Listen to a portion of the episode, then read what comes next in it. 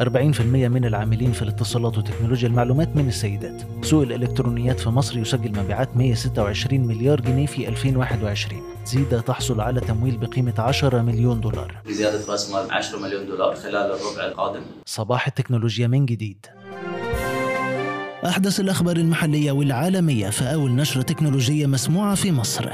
تكنولوجي على كل منصات البودكاست.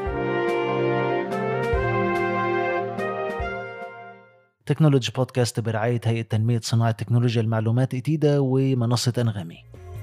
الدكتور عمرو طلعت وزير الاتصالات وتكنولوجيا المعلومات قال إن نسبة الفتيات والسيدات في قطاع تكنولوجيا المعلومات والاتصالات المصري بيبلغ حوالي 35 إلى 40% وإن معظم القيادات في الوزارة من السيدات. في شهر المرأة كل سنة وكل السيدات بخير. سويفل تنتظر موافقة شركة الاستحواذ ذات الغرض الخاص كوينز جامبت الأمريكية في عموميتها يوم 30 مارس للقيد ببورصة ناسداك في 31 من الشهر نفسه. شركات الاتصالات والتكنولوجيا تتنافس على هدايا عيد الأم بخصومات وقسائم شراء مجانية.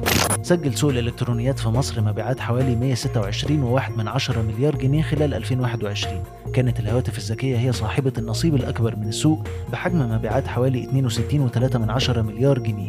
تجدون تفاصيل أكتر في جراف العدد. في يناير سجلت مبيعات المحمول في مصر واحد وواحد من عشرة مليون هاتف واستحوذت سامسونج الكورية على 32.2 من عشرة بالمية منها ثلاثة أوبو الصينية ب 25.9 من عشرة في المية. الأسبوع الثاني من شهر مارس شهد توسعات كبيرة لشركات عالمية في مصر كان منها SAP اللي قررت تفتتح مقر في القاهرة الجديدة. هناك أيضا افتتاح المقر الجديد لطلبات مصر على مساحة 10000 متر مربع. خسائر أمراض الصحة النفسية هتسجل 16 تريليون دولار بحلول 2030 في مصر قالت إحصائيات إن واحد من كل أربعة بيعاني من بعض المشاكل النفسية وإن انتشار المرض النفسي حوالي 3.1 من 10% من السكان. بناء على ده أطلقت وزارة الصحة ومنظمة الصحة العالمية أول منصة للصحة النفسية والإدمان وصممت المنصة التفاعلية بالكامل شركة دي إم إس المصرية.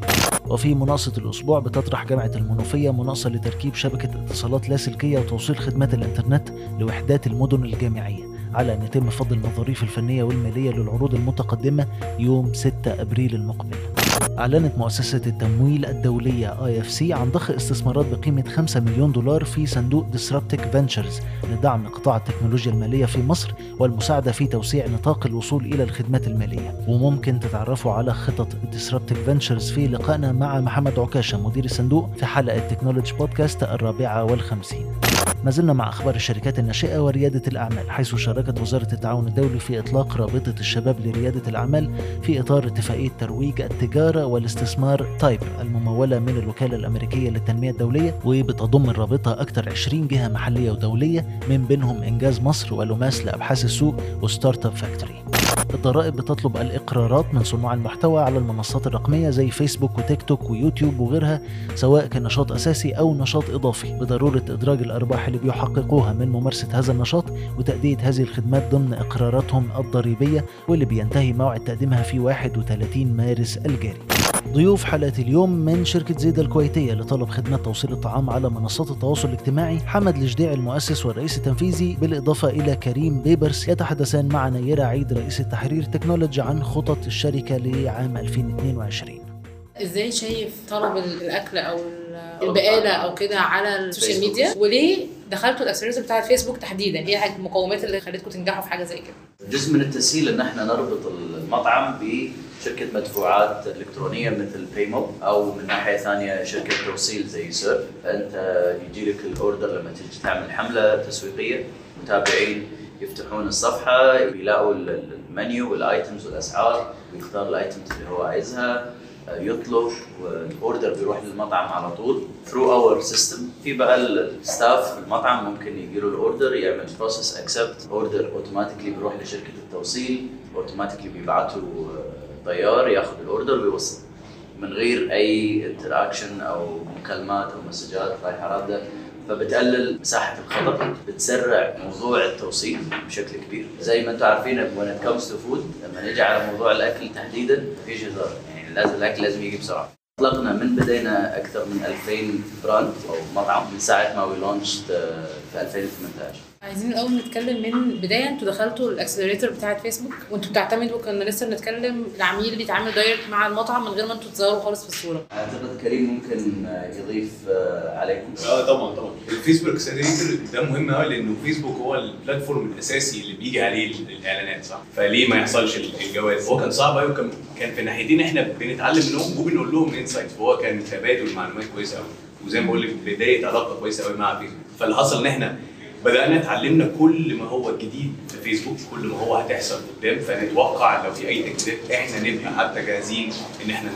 نطبقها قبل ما إحنا نتفاجئ بيها. بفتح أبص على الصور.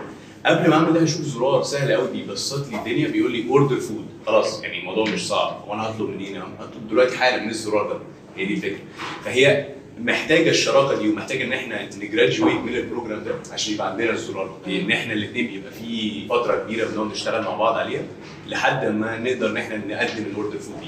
وقدمناها لكل العملاء من غير أي سعر بس لأن هم مع زيدا إحنا عايزين نشجعهم إن هم يطلبوا. الخاصيه هذه جديدة في السوق فلسه حنشوف ال interaction فيها. آه، ولكن لما نتكلم إحنا عن فيسبوك نتكلم عن فيسبوك انستغرام و down the line ممكن واتساب لأن كل ال applications دي شغالة تحت شركة فيسبوك اللي. اسمها دلوقتي بقى ميتا. ميتا. فالفكرة فيها الترابط أو التكامل بين إنه آه، فيسبوك مهتمة جدا إنه تسوق order food button فإحنا متأكدين إنه فيسبوك كشركة مهتمة جدا إن تنجح ال order food button لو حتى لو ما اشتغلش بشكل كويس في الفترة الأولى إحنا متأكدين إن هم راح يحسنون في التجربة.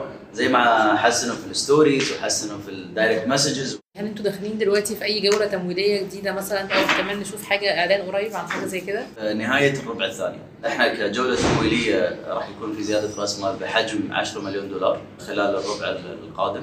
الهدف من الجولة التمويلية هو التوسع في السوق المصري بالإضافة إلى السوق السعودي هذه ال markets الأساسية بالنسبة لنا للسنة القادمة يعني for the next 12 to 18 months. ألمانيا بتدرس منح شركة إنتل الأمريكية تمويل بقيمة 5.5 مليار دولار لتدشين مصنع ضخم لأشباه الموصلات ضمن خطط الاتحاد الأوروبي لتطوير الإنتاج المحلي من الرقائق. تحتاج الصفقة إلى موافقة المفوضية الأوروبية بموجب قواعد مساعدات الدول في المنطقة.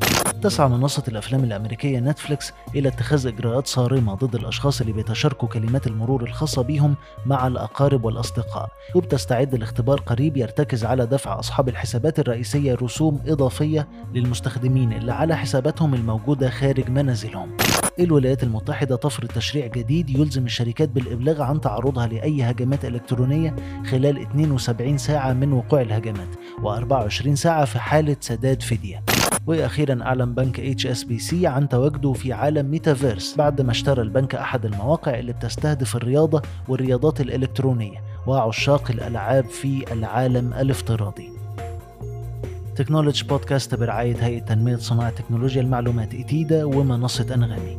أخبار أكتر على technology dot news.